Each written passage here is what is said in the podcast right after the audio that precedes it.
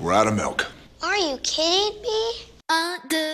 Women do earn less in America because they choose to. Smiling. I think it'd be a good look for you. Boo, you whore. blood coming out of her wherever. Get back in here and make me a sandwich. Mark Rudolph says he hears whining at home for free, so why pay for it at the theater? Ever wanted to single handedly dismantle the patriarchy? This fresh yet powerful look will give you the upper hand in defeating your male enemies.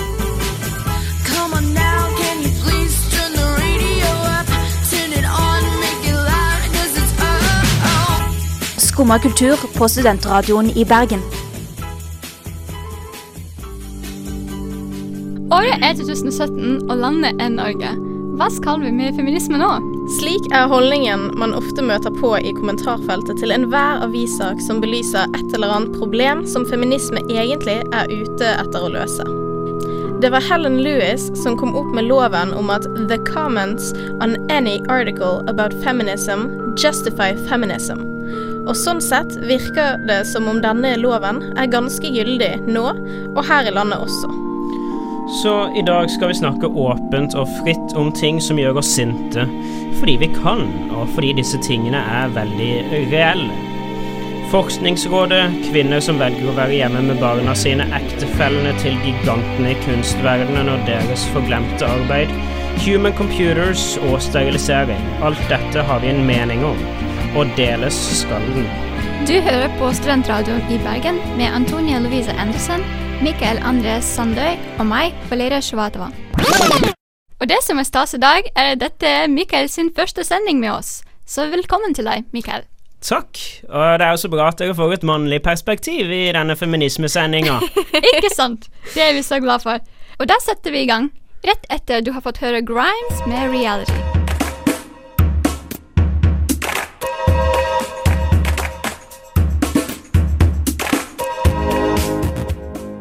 Men tenk dere folkens å våkne opp ved siden av en vakker kvinne og snu seg rundt og så rett og slett si i kveld kan du bli Spellemannsvinner. Vi skal våkne opp med Susanne Sundfør.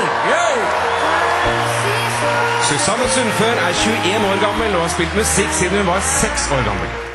Tusen takk. Um, jeg er først og fremst artist, og ikke først og fremst kvinne. Du hører på Skumma kultur på Studentradioen i Bergen. Gang på gang hører vi om at hovedgrunnene til at kvinner ikke når opp når det gjelder finansiering av sine prosjekter, oppstart av sine selskap og lignende i like stor grad som menn, er fordi det er færre kvinner som prøver seg. Men det kom som en overraskelse, men samtidig egentlig ikke, i form av en artikkel skrevet av Joe Walker Rettberg, som er forsker på digitale medier ved UB. Hun fant ut at til tross for at kvinner søkte finansiering fra Forskningsrådet i like tall som menn i programmet Samkull, som heter um, Samfunnsutviklingens kulturelle forutsetninger, og til tross for at eksterne paneler hadde gitt toppkarakterer til flere prosjekter ledet av kvinner enn menn, var det 4% av kvinner og 15% av menn som fikk finansiering i 2013, og i 2016 var det 6% og 12% tilsvarende. Så hva i all verden er det som foregår der, Mikael? Vel, vi ser jo det at uh, åpenbart så er det fortsatt et eller annet som uh, stopper godkjenning av sånne prosjekter for kvinner av at de er kvinner. Ja, at vi ser disse her uh, mekanismene som er i spill i samfunnet, som har stått i veien for likestilling i århundrer, de har fortsatt en effekt på noe som er såpass moderne og progressivt som forskning og vitenskap.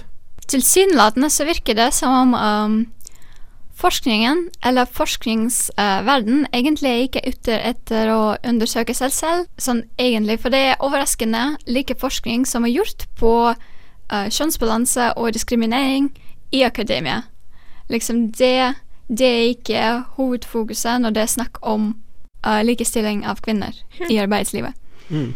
Men, men, man har jo noen undersøkelser som viser at f.eks. søknader, akademiske søknader som er sendt til ulike professorer, som er helt like, men har mannlige og kvinnelige navn, får ulike reaksjoner av uh, de som vurderer søknadene.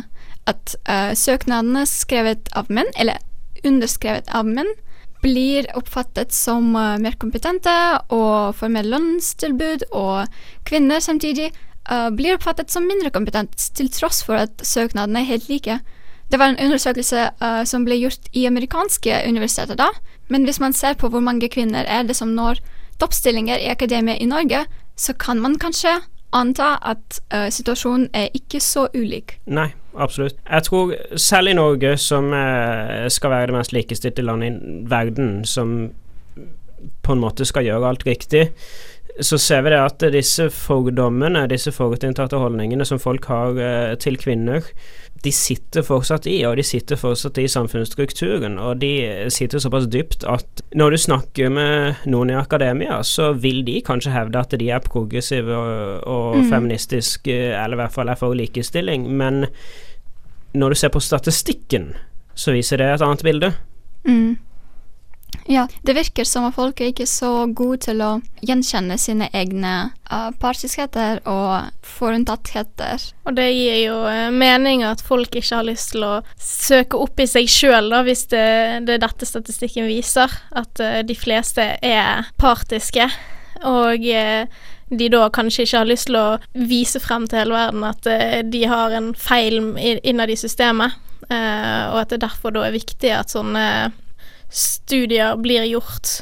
At det burde nesten vært obligatorisk at eh, man går gjennom en sånn sjekk i alle bedrifter. Ja, kanskje det er det som skal til. At du skal, um, før du tar en beslutning, så skal du tenke liksom Hva ville jeg gjort hvis vedkommende hadde vært en mann? Mm. Og kan dette ha noe å gjøre med mine egne holdninger som sitter dypt inne, som jeg ikke er klar over?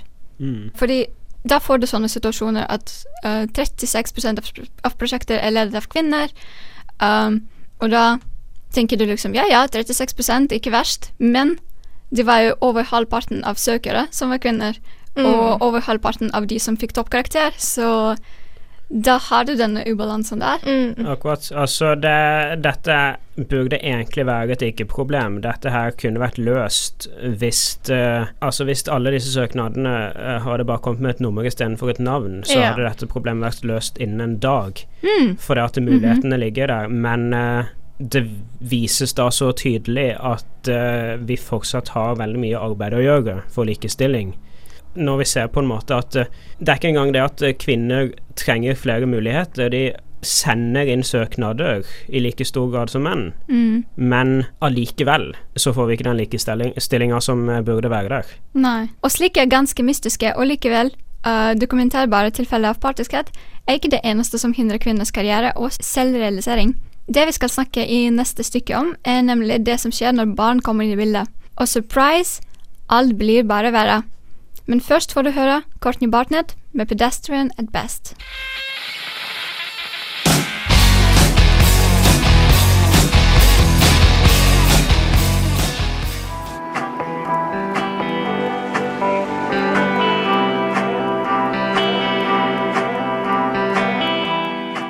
Du hører på Skumma kultur på Studentradioen i Bergen.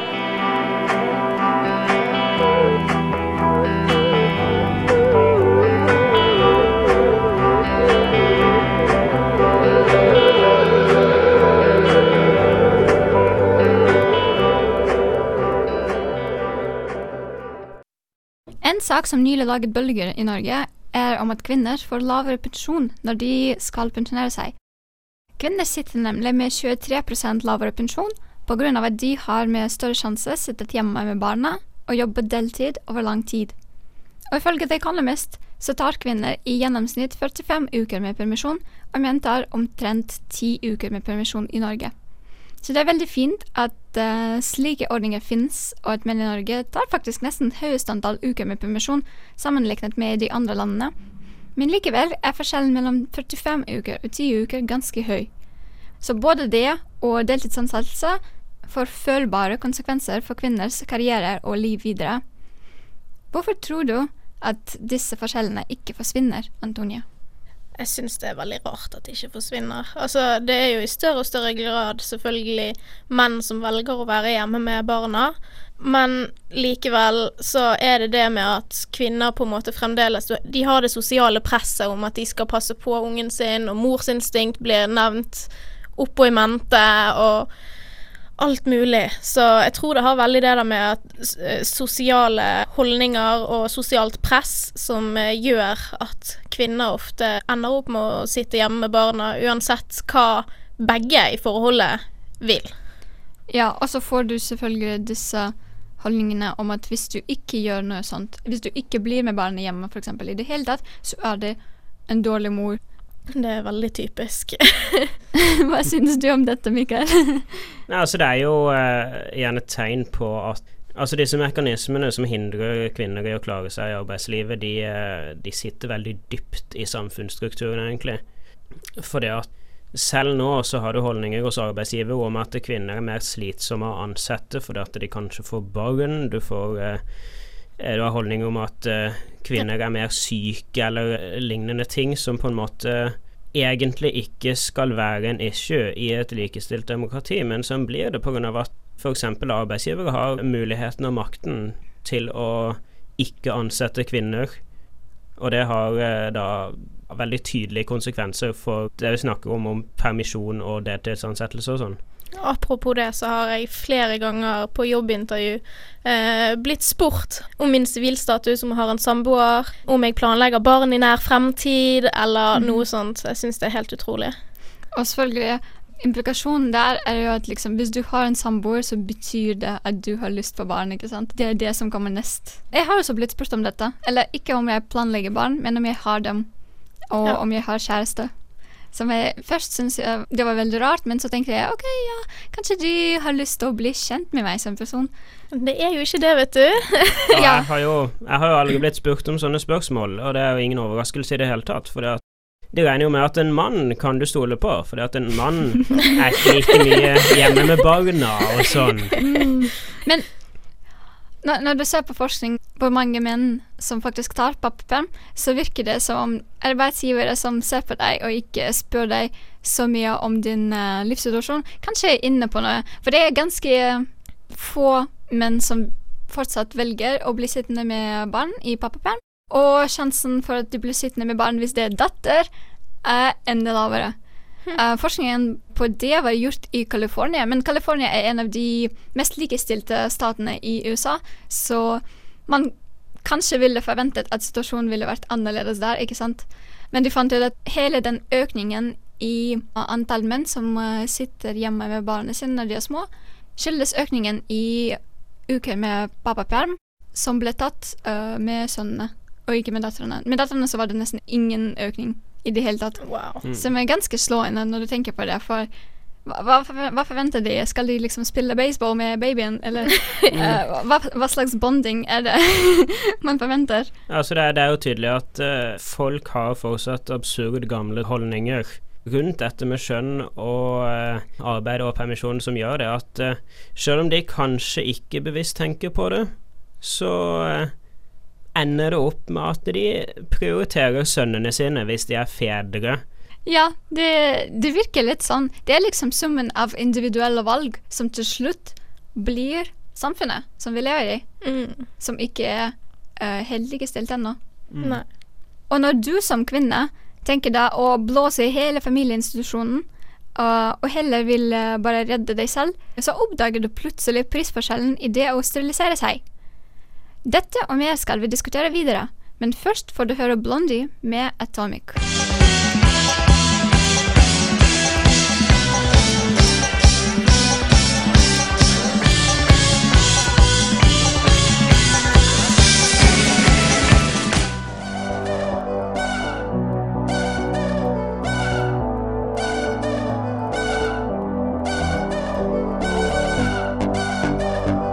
Dette er Studentradioen i Bergen. Du hører på Skumma kultur.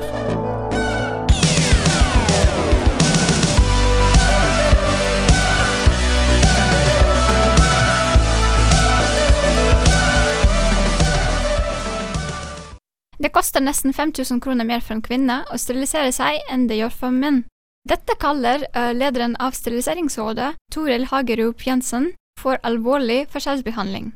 Det fører jo til at noen av kvinnene som ellers hadde sterilisert seg, rett og slett ikke får råd til det, og må ty til andre prevensjonsmetoder. Og ingen av disse gir jo denne varige effekten som de har lyst på. Samtidig er tilsvarende prosedyren for menn betydelig enklere enn for kvinner. Hva syns du, Mikael? Kan det at prosedyrene er enklere, rettferdiggjøre denne forskjellen? Vel, nei. Fordi at uh, i et likestilt samfunn som Norge, så uh, skal folk ha de samme mulighetene. Og det som er et faktum, er det at uh, det er ikke bare sterilisering som er en forskjellig type behandling for menn og kvinner. Menn og kvinner har to radikalt forskjellige sykdomsbilder på veldig mange punkter. Det er bare et faktum med skjønn at noen ting vil alltid være dyrere eller billigere å behandle på kvinner enn menn. Og det som da er tingen med eh, sånn type sosialistisk helsevern som vi har, er det at eh, selv om det da kanskje er dyrere i en sånn praktisk forstand, så skal det være like billig for ethvert individ i samfunnet å foreta disse prosedyrene og eh, få denne behandlinga osv. osv.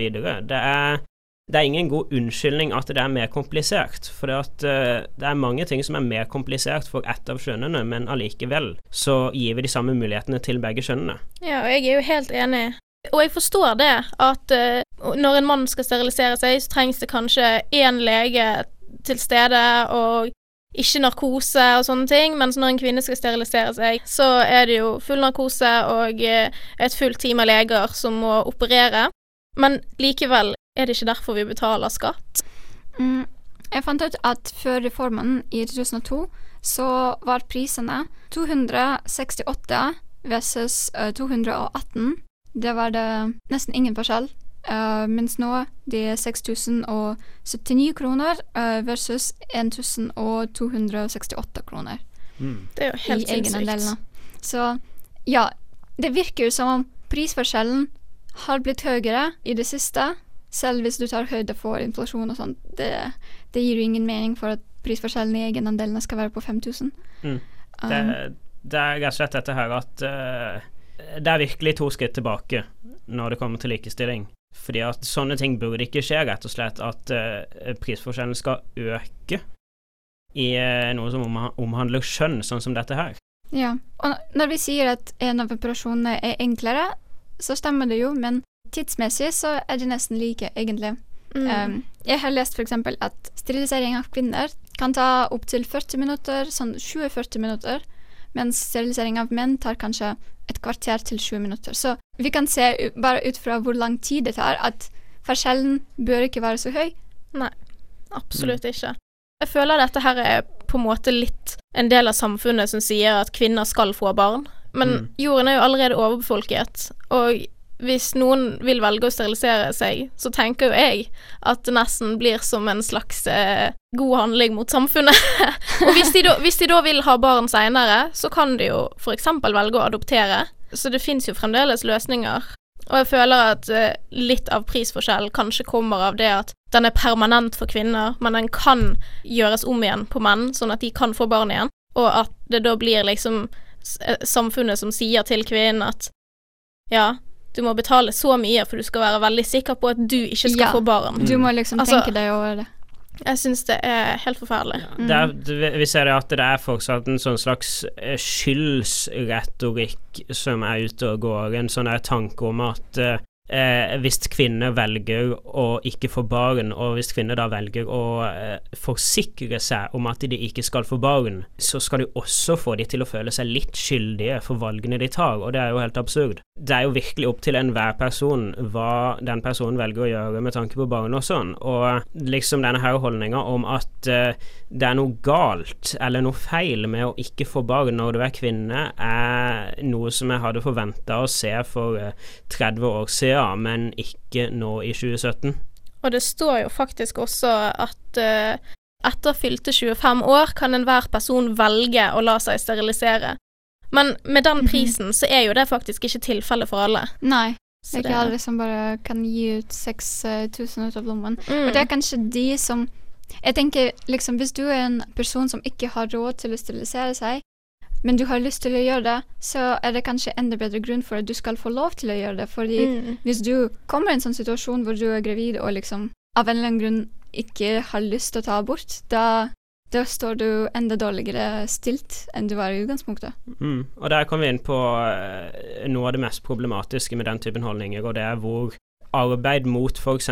prevensjon, arbeid eh, mot abort og arbeid mot sterilisering rammer de svakeste i samfunnet. Mm. Av at de som, er, de som har bedre midler, de har uansett flere muligheter, mens de som ikke har så mange ressurser, de er allerede i en dårlig situasjon, og de kan komme i en dårligere situasjon hvis de skulle få et barn, f.eks., i en sånn hypotetisk situasjon. Og det samfunnet sier til de, er nesten det at det er de sin feil, og det er de sitt ansvar. Og da blir de feila av samfunnet, rett og slett. Og nå for noe litt mer artig. For hva er artigere enn arbeidsliv? Oskar deler med oss historien om kvinner som jobbet som human computers med kalkulasjonene som nå er overlatt til datamaskinene. Og du får høre dette rett etter Janis Joplin med 'Summertime'.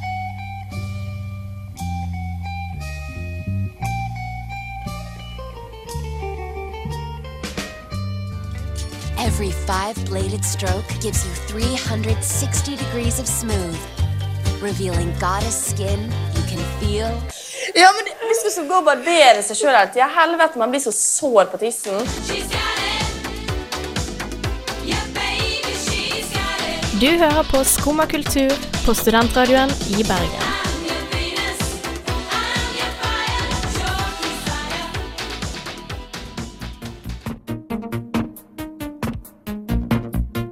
Når du hører ordet computer, når tror du det først var i bruk? På 1950-tallet kanskje? Når de første datamaskinene ble funnet opp? Det må jo være da. Hva skulle en egentlig kalle computer før den tid? Det fantes jo kalkulatorer og sånt før datamaskiner, kulerammer, slike ting. I'm the operator with my pocket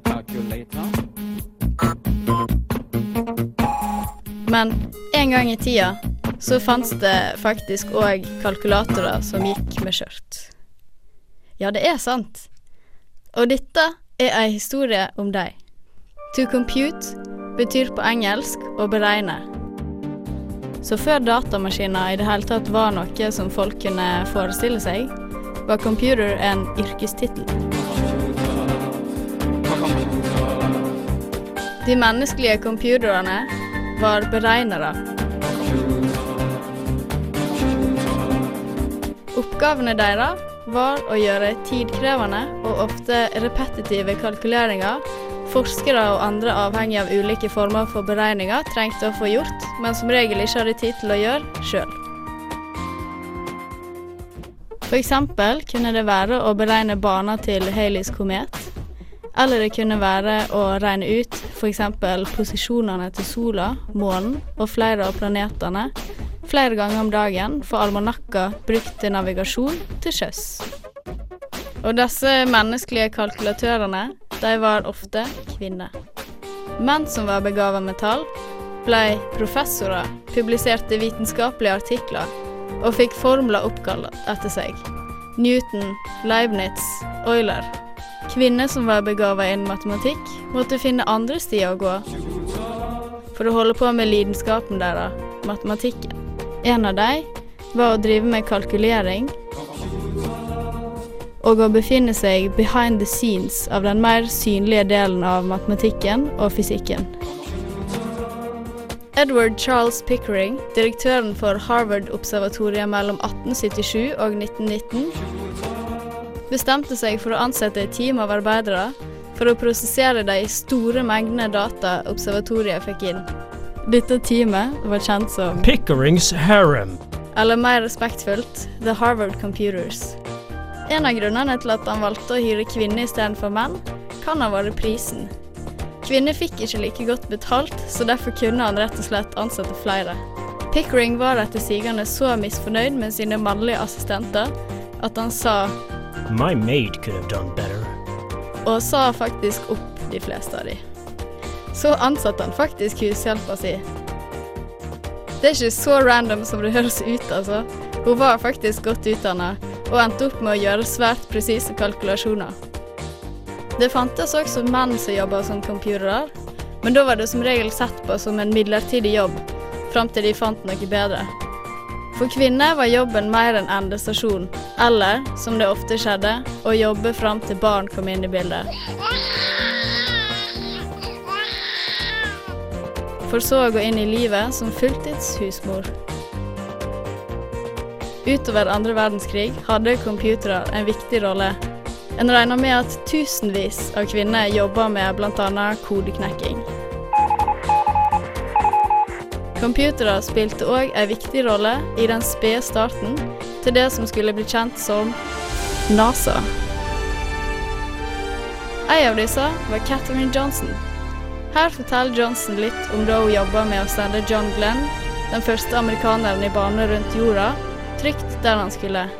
Back then, it sounds like they really trusted the human answer more. They were more suspicious Yes. of the electronic answer. Yes, in particular, when uh, John Glenn was to be the first astronaut to go up into the atmosphere and come back. And they wanted him to come back in a special place. And that was what I did. I, I computed his trajectory.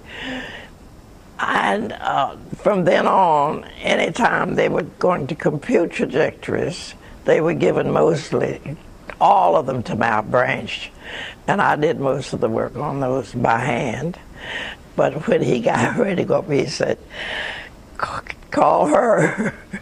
and if she says the computer's right, I'll take it.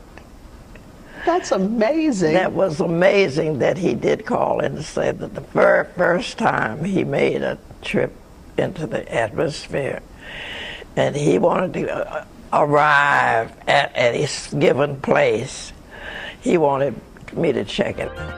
Johnson var svært begava og hadde store matematiske evner. Drømmen var å drive med egen forskning, men siden Johnson var kvinne, og i tillegg til det ei svart kvinne, møtte hun mange hindringer på veien.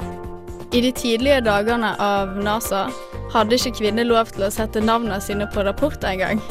Men da Catherine jobba med en rapport med Ted Skopinski, hadde han lyst til å reise vekk og dra videre til Houston. Men sjefen sa at han måtte gjøre ferdig rapporten først.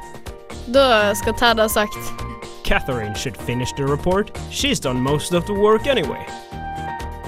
Filmen Hidden Figures, som kom ut i 2016, er bl.a. inspirert av livet til Catherine og andre badass svarte kvinnelige matematikere som gjorde et viktig arbeid, selv om det var skjult for de fleste.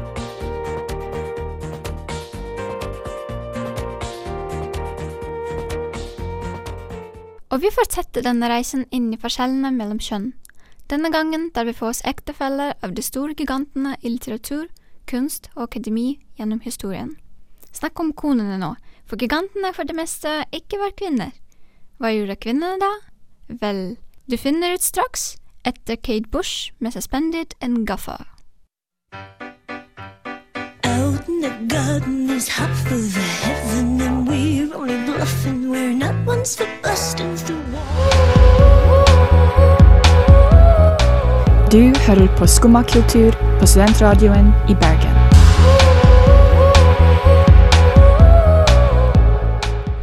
Et ganske utbredt syn er at det å lage et verk av høy nok kvalitet er nok til å forsvare en rekke synder. Flere kjente forfattere har for eksempel vært ordentlige tyranner hjemme. Er det noe med kreativiteten som danner et fruktbar jord for utroskap og egoisme, eller var Tolstoy, Dickens, Solzjenitsyn og flere, flere andre produkter av sin tid? I tillegg til det var det flere koner som hjalp med å ordne, organisere og avlaste livene, og til og med taste inn og redigere verkene til sine menn. Kjente forfattere og akademikere, uten noe som helst belønning eller anerkjennelse.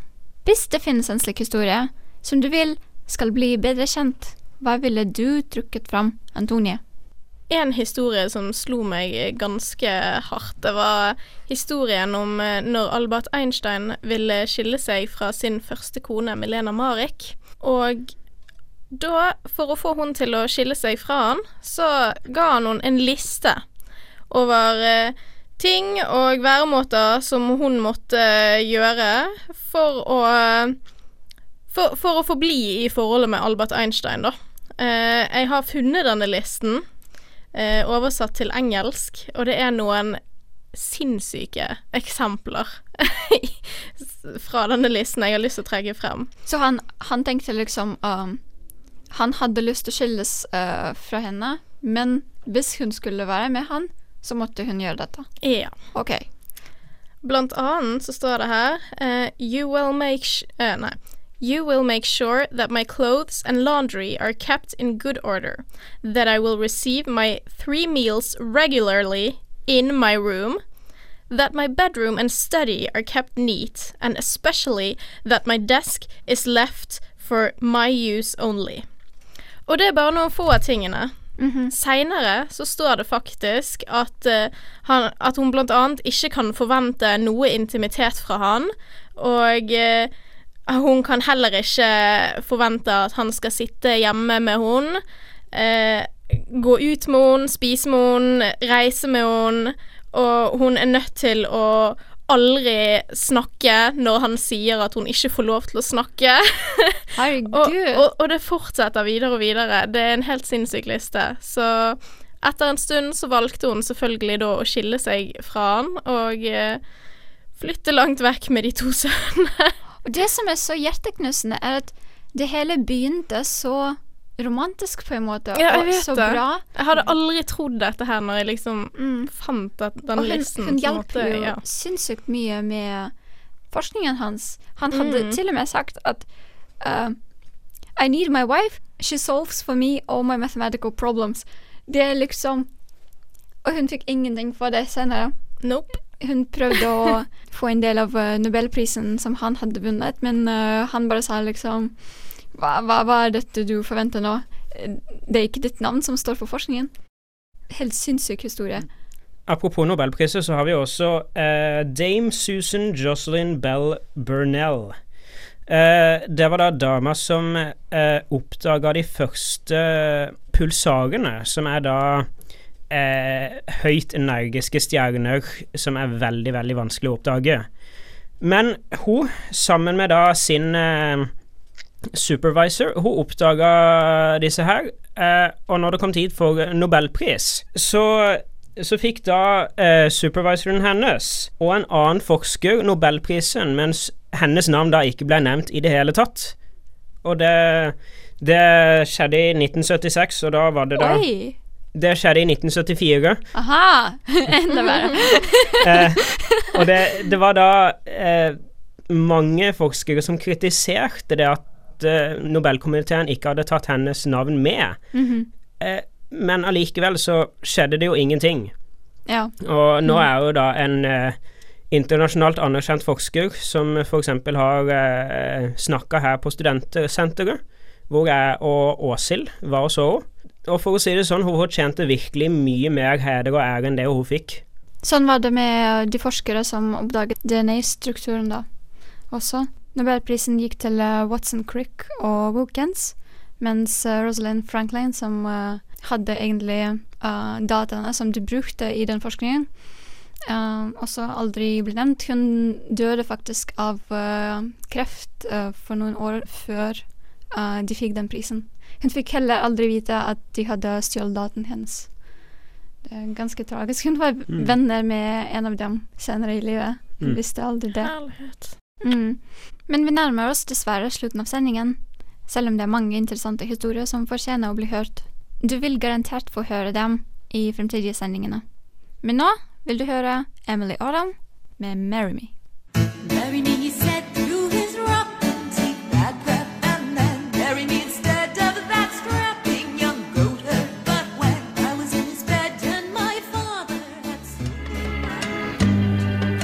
hører på Skumma kultur på studentradioen i Bergen. That's it, folkens. Det var alt vi rakk i dag. Planleggingsdokumentene er overfylte med fakta og poenger som vi ikke har rukket å nevne i dag, og som vi må da holde litt hemmelig foreløpig. Vel, vi har lært at det fortsatt er mye å ta tak i, for å si det sånn. Woho! Masse materiell. Uh, mye som må fikses i samfunnet. Ja. Vi har snakket om den sinnssyke 5000 kroners forskjellen på sterilisering av menn og kvinner, og jeg håper at om jeg noen gang skulle velge å la meg sterilisere, at dette er fikset innen da. I tillegg har vi lært at Albert Einstein var en douche mot sin første kone, Mileva Marik, da han ville skille seg fra henne. Og for en siste låt er det Ways Blood med Seven Worlds. Vi høres igjen om en uke. Ha det bra. Ha det. These seven words I say to you, one by